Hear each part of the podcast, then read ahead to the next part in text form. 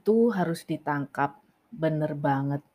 Kadang-kadang, eee, kata-kata yang peluang tidak datang 2 kali atau kesempatan tidak datang 2 kali itu bener. Jadi hari ini saya sedikit tertegun sendiri ketika cek email dan ada sertifikat ini. Saya deketin ya nih. Ini saya rekaman sambil pasang live IGTV. Kenapa? Biar kesimpan di IGTV. Kenapa di IGTV? Karena anak-anak saya sukanya IG. Tapi saya lagi kurang pengen menuliskan pengalaman ini di blog, tapi menjadikan suara. Pengen bikin warisan untuk anak-anak itu yang ada suara mamanya. Jadi saya rekam kali ini di Anchor. Nanti teman-teman silahkan lihat di anchor.fm garis miring Henny PR itu uh, saya akun saya di Anchor atau di Spotify tapi saya pendekkan menjadi bit.ly garis miring podcast Bu Henny. Ya, ini adalah uh, saya ingin sharing tentang peluang-peluang yang datang ke saya yang seringnya itu dadakan. Kok bisa Bu Heni mengajar di Kominfo padahal bukan anak IT? Ini fotonya ya, saya carikan. Loh, tadi saya bikin mana? Bukan anak IT, bukan anak uh, bukan sarjana programming juga. Loh, mana tadi? Kok bisa menjadi mentor? Kenapa kok bisa dianggap capable? Capable menjadi mentor di uh, eh, DTS Kominfo. Saya cerita dari sini dulu, nanti baru mundur ke peluang-peluang yang lain yang tidak terduga dan juga bisa kita bisa saya dapatkan alhamdulillah. Tentu saja karena uh, betapa pemurahnya Gusti Allah ke saya ya. Jadi kok bisa? Ini pada suatu malam. Jadi saya seringnya nih dapat rezeki itu mepet-mepet gitu.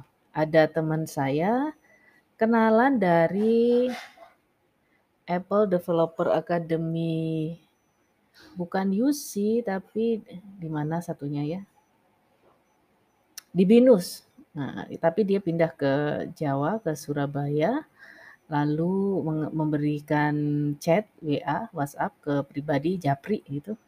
Bilang, "Mbak Heni, ini temanku cari mentor coding untuk DTS Kominfo. DTS tuh Digital Talent Scholarship untuk DTS Kominfo.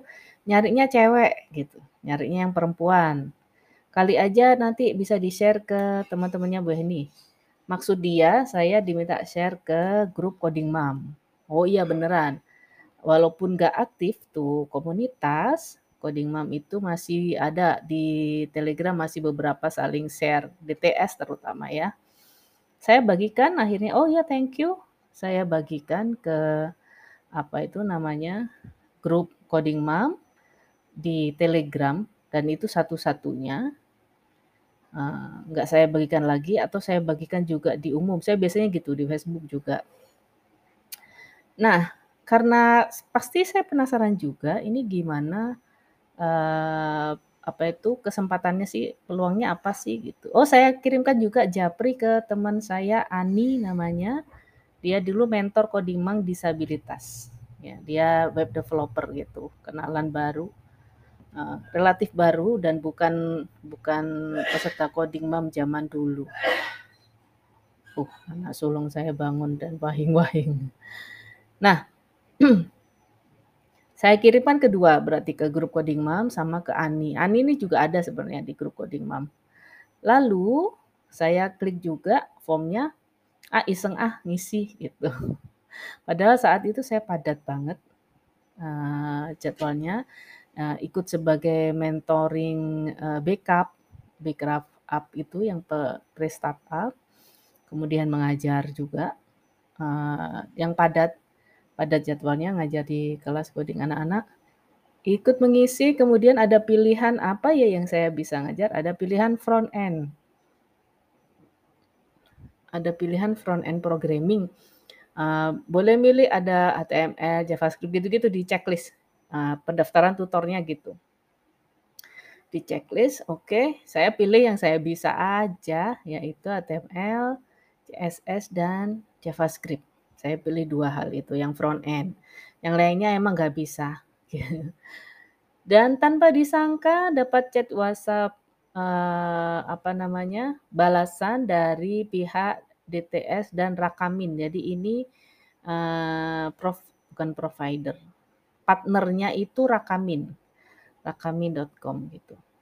Yang dia kayak punya LMS gitu ya, platform belajar uh, mirip-mirip akademi binar gitu-gitu, uh, perkodingan tapi anak dewasa uh, Mbak ini ada yang ditanyain? Enggak, oke aja, saya oke-oke aja, ya mungkin masih wawancara gitu-gitu ya. Ternyata enggak, udah nggak pakai wawancara. Itu ngisi formnya harus ada uh, CV as always seperti biasa CV, kemudian video contoh mengajar. Uh, contoh mengajar saya tuh sebenarnya kan banyak untuk anak-anak, anak-anak banget kan. Akhirnya uh, Kak masa saya kirimi video tentang scratch, coding, nanti jauh jauh dari kelas uh, eh, DTS ini.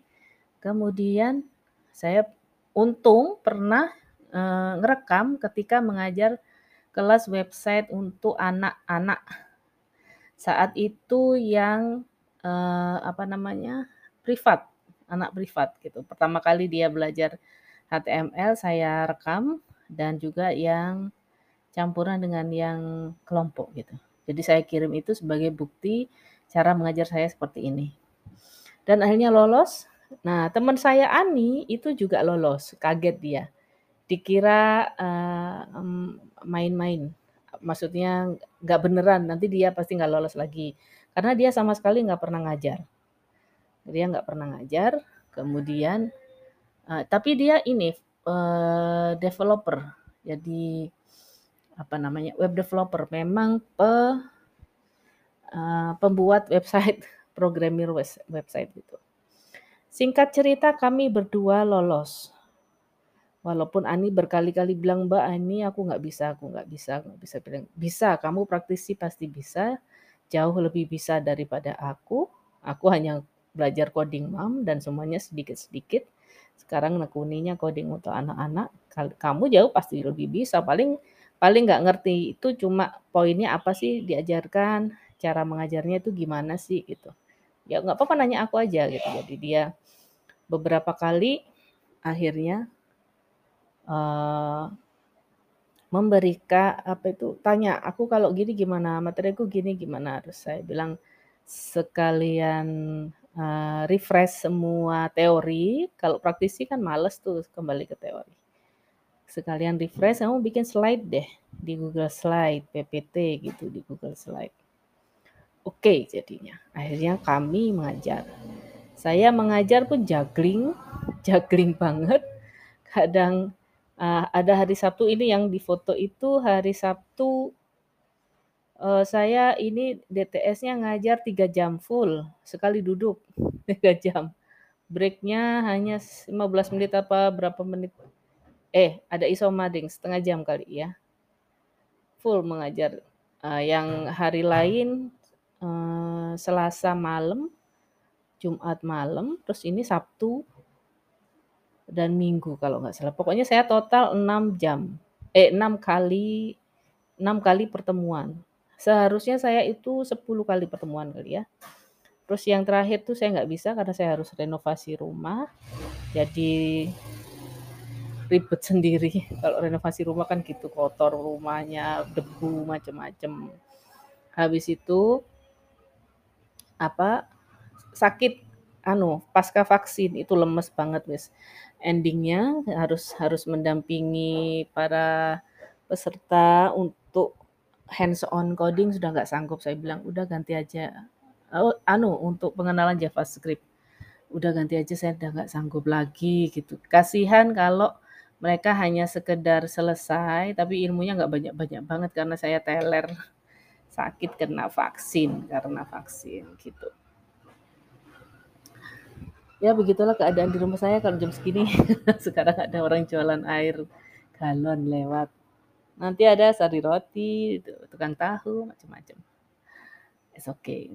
Karena saya memberi, mau memberikan suasana real, nanti bisa didengerin anak-anak saya lagi dan teman-teman. Oke, berbicara tentang peluang. Jadi eh, gajinya lumayan ini sekali sekali pertemuan 6 digit gitu. Luar biasa. dan saya bisanya padahal cuma HTML. Uh, kalau dilihat itu udah cupu banget di antara mereka dan mungkin karena saya ibu-ibu jadi setiap briefing itu mereka baik-baik saja, baik banget. Dan uh, saya lebih banyak sharing how to teach-nya. Ngajarnya tuh kayak gini loh biasanya gitu. Anak-anak atau pemula tuh mirip kok. Gitu. Terus platform apa ya yang enak? Terus saya tunjukkan ada uh, editor online gitu-gitu ya.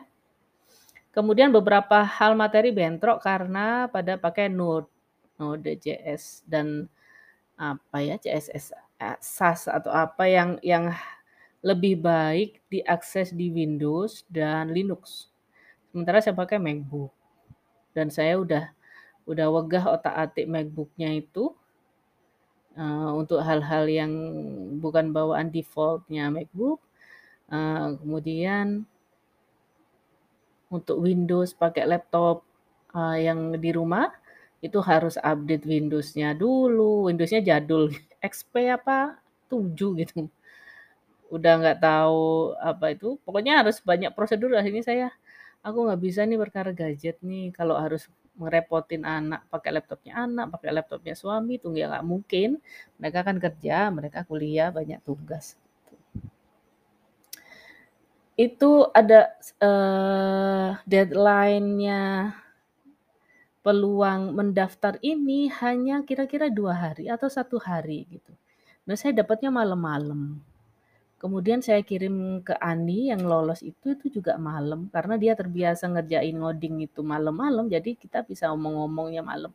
Mbak ini ini aku isi isi aja lah. Kamu kan pernah ngajar coding mam disabilitas. Nah, dia lolos bilangnya karena mengirimkan video ketika mengajar di coding mam disabilitas yang saya rekam kemudian saya upload di YouTube saya sendiri. Gak tahu kok deh. Dia nih kepikiran gitu kok pinter gitu ya kok bisa kepikiran gitu. Nah, itu peluang yang dia dia tidak menyangka, tidak pernah mengajar, hanya praktisi programmer dia bilang itu dan bingung sama sekali bagaimana menjadi seorang pengajar, tapi saya dorong dan dia menerima dorongan itu dengan baik dan akhirnya mendapat sertifikat sebagai tutor. Tidak berapa lama setelah Ani ini, teman saya Ani ini menjadi tutor, dia kemudian uh, apa namanya ditawari menjadi dosen di LP3I. Wah, jadi lihat membajang. Ani itu ini saya tunjukkan ya. Akhirnya saya rekrut sebagai partner di ini ini Ani. Saya rekrut sebagai partner saya di Coding Mom. Eh di kelasku digital digital, sorry. Sejak itu dia jauh lebih percaya diri bahwa dia bisa mengajar. Saya rekrut untuk handle kelas coding kids yang website. Karena murid-murid saya itu uh, yang semakin scratch-nya udah beres, udah ngerti scratch, mereka pengen ke text programming, maka uh, maka bikinnya HTML. HTML uh, dan saya sebenarnya taunya itu nggak terlalu dalam, cuma praktis. Bukan praktisi juga, tapi prakteknya sebagai pengajar. Jadi mungkin runtutannya itu bisa dimengerti oleh teman-teman di DTS ini. Pesertanya siapa DTS itu anak udah gede, minimal anak D3 lulus dan anak kuliah atau udah lulus gitu. Bagus juga. Peluang malam-malam disambut dengan baik, diisi formnya tanpa ragu-ragu, dan CV saya itu rata-rata sudah update. Saat itu juga rada cepat saya harus mengupdate LinkedIn, saya update hal baru yang pernah saya lakukan gitu. Uh, memberikan contoh mengajar tidak lama karena memang rutin. Nah, itu kalau jadi masukan kalian, teman-teman di sini, um, mendokumentasikan atau mengarsipkan jejak kita itu kelak akan berguna loh. Walaupun screenshotnya juga ngeblur nggak terlalu HD, uh, terus fotonya juga misalnya ngeblur kayak apa kayak tap, tapi ada real time di situ yang bisa jadi patokan dan kamu terpercaya ya. Sekaligus kalian bisa jadikan itu dokumentasi peningkatan skill diri sendiri. Kan lihat, wah aku dulu ngajarnya kayak gini, sekarang ngajarnya kayak gini. Baik, jadi peluang seperti itu juga pernah saya ambil ketika saya menang lomba menulis di Puspiktek, itu malam-malam banget. Di Apple Developer Academy juga sama, dikirimi temen itu malam-malam, Mbak ini kayaknya cocok buat kamu, langsung saya kirim. Rata-rata malam dan saya pelajari dengan baik, kadang perlu, perlu sehari, dipelajari dulu, diklik semua, browsing tentang ini, ada yang ngobrolin apa enggak, gitu. Terus aku capable nggak ya? Bisa nggak ya? Kalau kalau tampaknya bisa, sanggup, langsung berangkat. Gitu tanpa tanpa terlalu menungga menunda-nunda. Nah, itulah makanya peluang dengan apa ya keberanian kita menangkapnya itu adalah uh, sesuatu yang jodoh atau sepasang. Peluang bertebaran di mana-mana, tapi kalau kita ah bisa ah, ah, aja. Gak gak gak deh gak butuh gak butuh gak butuh gitu. Itu ya lepas. Atau kita ambil peluang itu misalnya gini nih eh ada peluang tes CPNS nih misalnya nah, ayo aku ayo daftar. Kamu daftar bisa semua surat menyurat aman tapi tidak ada effort supaya bisa me, men, menangkap peluang itu dengan baik. Contohnya nggak belajar. Saya saya dulu di Apple Developer Academy, uh, peluangnya malam-malam dan lain, tapi langsung saya pelajari. Tesnya apa, ada dia dia tulis TPA atau tes potensi akademik, seperti tes skolatik. Uh, saya ingat waktu daftar jadi dosen dan macam-macam itu tesnya kayak gitu-gitulah, kayak kayak psikotes gitu. Saya pelajari, saya belain buka webnya, ngerjain secara online, pilihan ganda, Kan tuh macam-macam tuh TPA atau skolastik tuh, ada deret ukur, deret hitung, kan nggak cuma sinonim, antonim, nggak cuma pattern gitu-gitu, kan lengkap, ada matematikanya. Nah itu kan, uh, setidaknya itu mengingatkan kita, "Oh iya ya tentang ini." Ada Inggrisnya, tentang TOEFL-nya, grammar-nya gitu-gitu. Bahasa Indonesia juga. Uh, effort-effort yang saya lakukan tuh mungkin terbiasa, bagi saya terbiasa ya memang gitu. Kalau belajar ya memang harus gitu. Uh, harus ngoyo gitu. Jadi gagal itu boleh. Kalau saya itu prinsipnya gini. Gagal boleh, nggak apa-apa, nggak masalah gagal. Tapi nggak boleh gagal karena saya males. Gagal boleh kalau itu memang kehendaknya yang kuasa nggak apa-apa. Tapi saya nggak boleh males atau nggak nggak ada effort sama sekali supaya nggak gagal gitu, nggak nggak tenang hidup saya. Gitu. Jadi dalam setiap uh, langkah apa pun, walau kalau itu peluangnya datang entah tengah malam, entah deadline kurang satu jam, itu saya ambil, saya daftar, kemudian saya pelajari dan latih dengan baik, sangat baik. Terutama effort saya ketika mau masuk Apple Developer Academy itu sangat-sangat keras gitu saya kan bukan anak IT dan belajarnya cuma HTML. Sementara ketika saya pelajari, Mbak ini Swift programming yang gue nggak kenal gimana bentuknya ya. Si programming juga nggak ngerti tentang apa ini si programming. Jadi saya belajar ada OOP, ada segala macam. Saya pelajari baca semua dari LinkedIn, dari Google, dari apa, dari apa tentang bisnis, tentang desain, UI, UX-nya Apple saya catat ya kayak anak kuliahan gitu. Udah biasa karena itu terbiasa, saya terbiasa pola seperti itu jadi ya biasa-biasa saja. Mungkin orang lihatnya lebay. Mau daftar apa apa akademi aja kok kayak gitu, Bu, kayak gitu ya. Tapi bahwa berusaha di awal dengan sangat lengkap dan ngotot itu, ngotot dalam arti semampu saya bisa, itu beneran saya lakukan. Dan kalau adik-adik di sini, anak-anak muda di sini yang mendengar, uh, pola itu akan menjadi habit atau habit apa? Kebiasaan atau sudah jadi karakter. Jadi kalau ada tantangan apa pun atau peluang apa pun di depan mata, entah itu ujian, entah itu kesempatan uh, mendaftar atau gimana gimana itu kita udah terbiasa uh, bersiap diri dengan belajar lebih keras dari orang lain.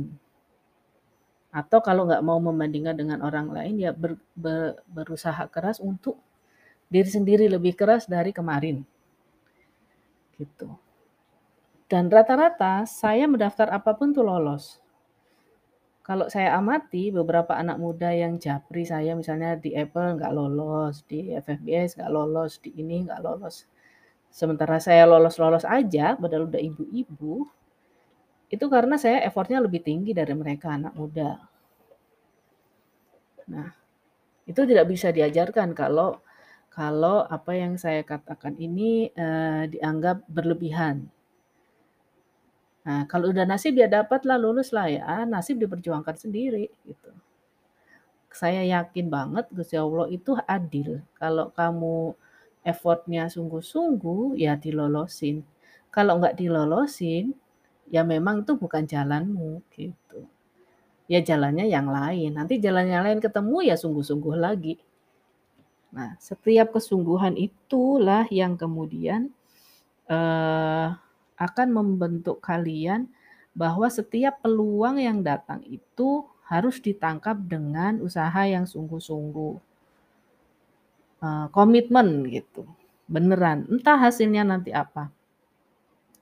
Saya ini pas, uh, tapi memang sekomit apa pun dan kita sudah lolos, ada aja masalah yang menerpa, apalagi kalau sudah ibu-ibu ya, udah ibu-ibu berumah tangga itu ada aja yang anaknya lah, yang keluarganya tiba-tiba kecelakaan, jadi kita langsung ke distrak semua uh, konsentrasi. Waktu itu saya di Apple kan itu yang terjadi, anak jauh, lagi sekolah jauh, kepikiran, mereka dia lagi apa itu ujian akhir kelas 3 ya, kelas 3 SMK, tiba-tiba laptop mati, aduh campur aduk udah gimana ini diterusin apa enggak, enggak diterusin udah mau udah mau bulan ke-9 gitu, eman-eman.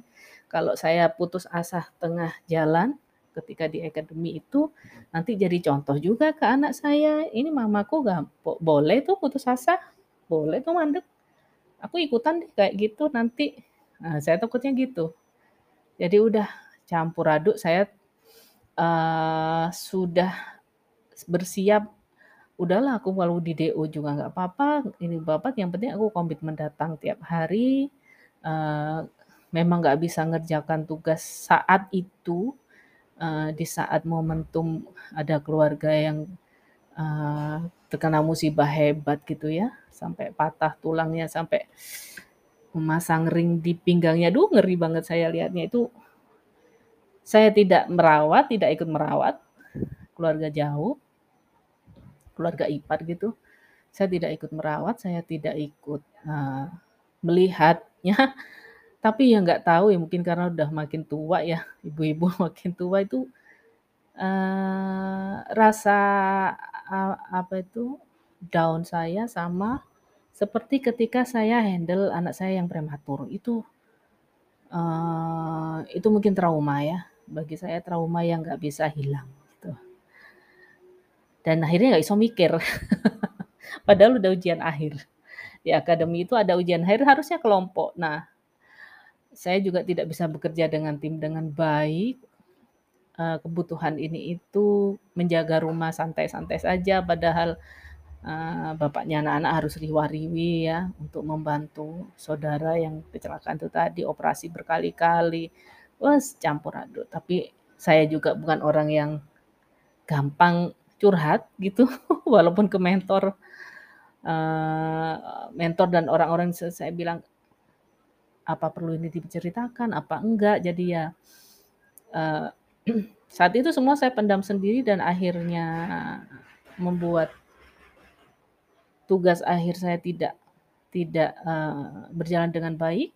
Kemudian saya dapat resiko, uh, uh, tapi saya mendapat kesempatan untuk bikin sendiri. Jadi saya ambil pilihan tugas akhirnya saya tidak dalam tim, saya kerja sendiri aja. Itu lebih leluasa. Saya dapat waktu satu bulan kalau nggak salah.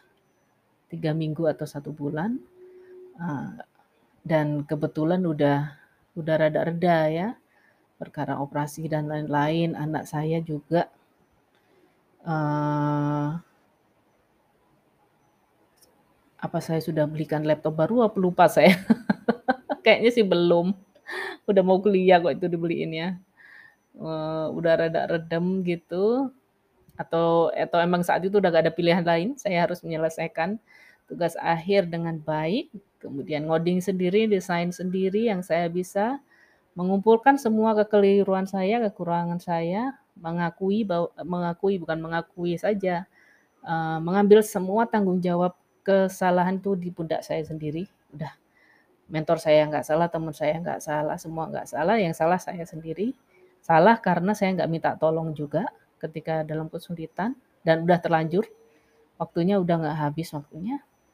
Dan saya tidak ingin menggoyahkan harga diri saya dengan hanya bernegosiasi kemudian nebeng tim lain agar masukin nama di situ. Jadi ada opsi di situ ada. Teman-teman saya ketika lulus sudah bilang, saya pengennya sebenarnya pengen ngajak Bu Heni loh katanya gitu. Tapi Bu Heni milih kerja sendiri. Ada opsi gitu dan saya tahu anak-anak atau beberapa orang yang bisa saya rayu gitu misalnya. Eh aku tolongin dong aku apa namanya uh, masukin namaku di grupmu dong. Padahal saya nggak ngapa-ngapain riset enggak, ngoding enggak, desain enggak gitu ya tapi saya aman karena syaratnya begitu. Cuman saya saya melihat diri saya sendiri aja malu nanti kalau gitu. Apalagi orang-orang lihat saya, apalagi anak saya kalau tahu ibunya kayak gitu ya. Tapi orang lain bisa ditutupi, dibohongi. Saya ke diri saya sendiri nggak bisa dibohongi. Maka saya memilih resiko gagal, tapi itu tangan saya sendiri. Jadi saya selesaikan itu semua. Maksud dari cerita ini adalah Kadang peluang yang kita tangkap dengan bagus sudah kepegang, effort kita juga udah kepegang, di tengah jalan ada aja perkara ya. Dan itu kadang-kadang itu di luar nalar tapi memang datang. Uh, memutuskan menyerah atau lanjut itu sudah uh, terserah juga sih di tangan di tangan saya. Cuma saya itu prinsipnya mending saya dikeluarkan daripada saya berhenti gitu. Jadi kalau ibaratnya itu aku dipecat gak popo sih daripada aku mengundurkan diri karena putus asa. Oh ada waktu satu bulan, oke okay. saya selesaikan satu minggu, dua minggu. Uh, di mentoring udah bener tiga minggu beres sudah lolos saya jadi lulus uh, satu apps jadi di Academy saat itu. Nah, uh, untuk DTS Kominfo juga terjadi hal yang sama. Rencana mengajar banyak jam, banyak sesi, ada kendala harus ngurus rumah, rumah ada rayapnya, harus renovasi cepet padahal rencananya bulan depan. Maksudnya timeline yang sudah saya set up udah berantakan. Kalau kalau ibu-ibu rumahnya renovasi itu udah kebayang ya. Rempongnya kotor, harus tetap tetap memastikan baju kering bersih tetap ada, makanan kering bersih matang ada. Suami bisa kerja, anak-anak bisa sekolah, kuliah gitu. Itu effortnya perempuan di rumah udah nggak nggak ngomong tentang hal lain ya. Itu sudah sudah tanggung jawab kalau saya bilang. Tapi itu kendala benar dan itu terjadi. Uh, kemudian vaksin lemes sakit lah. Jadi akhirnya untung saja yang saya pelajari dari kekeliruan saya untuk tidak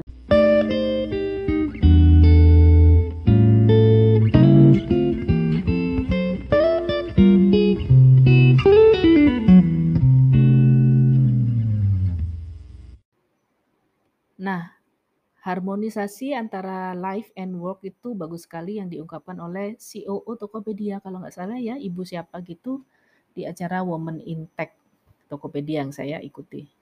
Uh, nantilah saya browsing siapa nama beliau.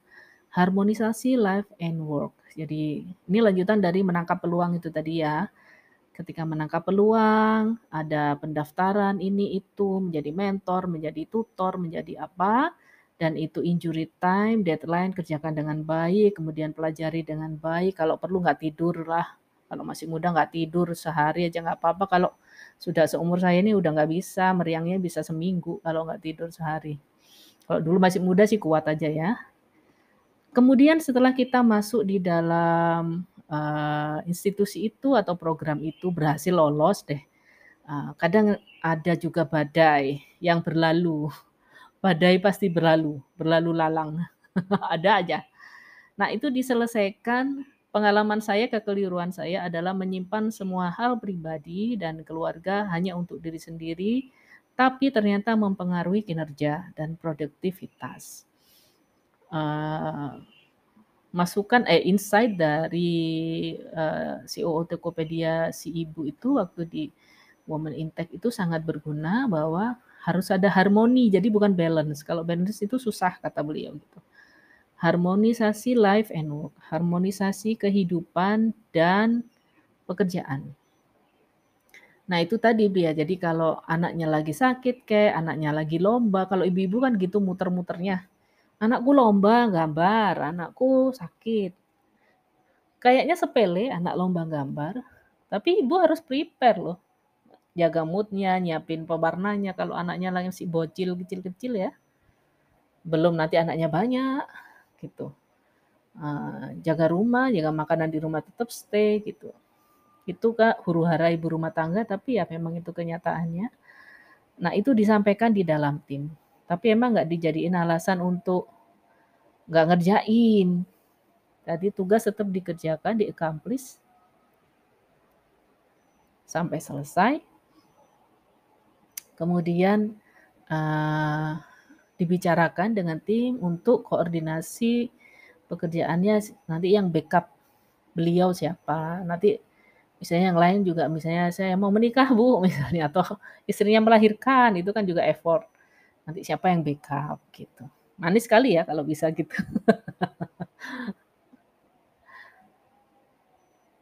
Lagi adan. Ya nggak nggak semanis madu tapi bisa jadi masukan ya untuk anak-anak muda atau teman-teman bagaimana menjalani uh, hari-harinya besok, terutama di dunia kerja dan dunia keluarga ya.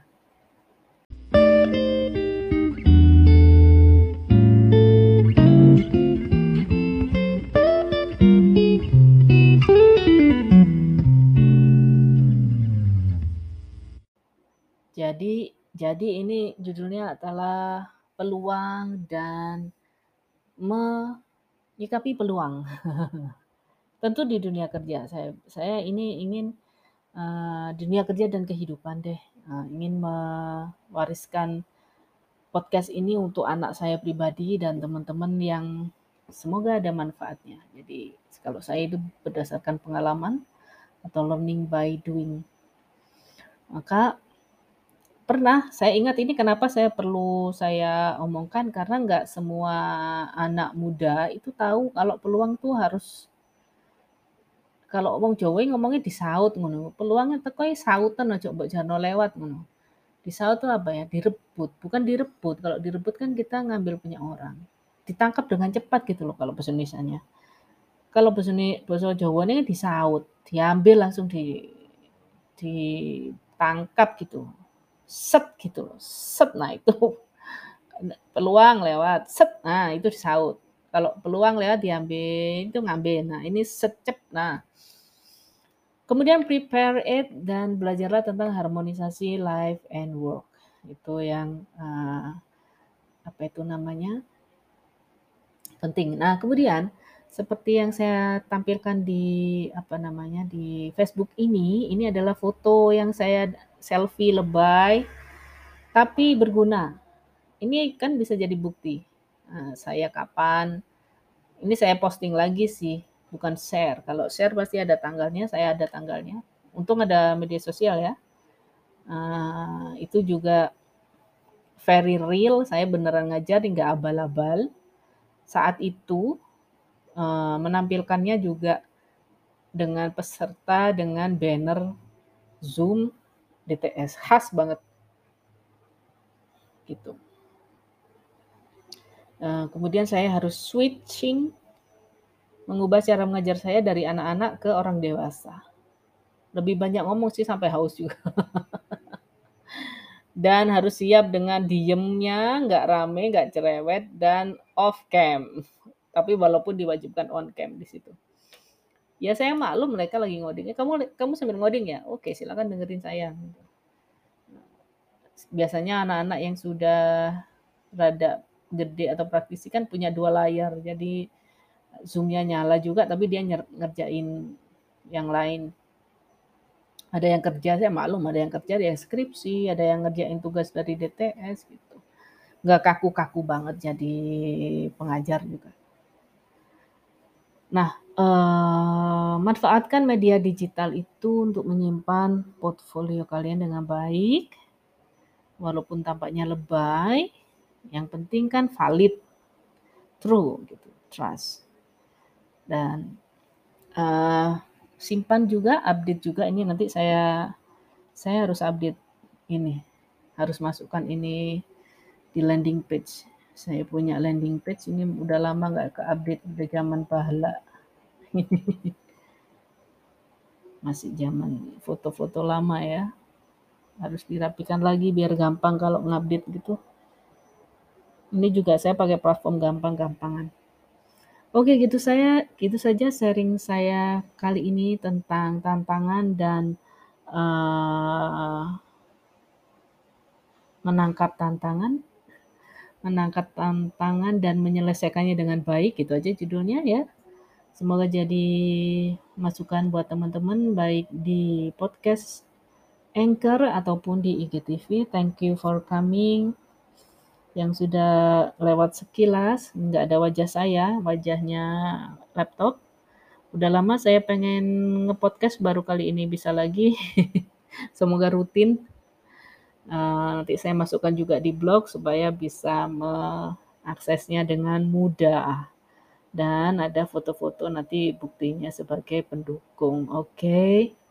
Uh, belajarlah dengan baik, bersiaplah dengan tantangan yang akan datang dan binalah uh, ramuten apa jagalah peliharalah tantangan itu perkuat dengan dengan sungguh-sungguh supaya apa itu mencapai apa target di depannya dengan baik uh, bertahanlah jika ada badai yang datang di tengah-tengah pekerjaan kalian ataupun kehidupan kalian bertahan bertahan dulu oke, okay, habis itu cari jalan keluar ya. Kadang langsung cari jalan keluar sambil bertahan juga tidak bisa berat, terlalu berarti kita mau manusia, bukan batu. Pasti ada perasaan juga yang terlibat. Uh, semoga anak-anak saya juga mendengarkan podcast ini untuk Aldo dan Aji dan nanti pasanganmu siapa, anak-anakmu siapa, Walah kok jadi terharu saya ini ngomong. Jadikan apa yang kamu lihat setiap hari antara mama sama bapak itu jadi contoh ya. Yang baik ambil, yang nggak baik jangan ditiru. Jadilah lebih baik versi dirimu sendiri. Ya. Assalamualaikum warahmatullahi wabarakatuh. Thanks for hearing, mendengar podcast Bu Heni dari kamar GMAI 5 di atas meja putih saya mengisi podcast ini. Oh ya, dengan headset laptop eh headset gaming pink. Assalamualaikum lagi warahmatullahi wabarakatuh. Selamat siang, selamat bersenang-senang, bekerja dengan baik, jaga kesehatan. Semoga pandemi ini usai, vaksin selesai, virusnya lemah sampai kapan pun. Nggak bermutasi lagi dan nggak sanggup bermutasi. Amin. Bye.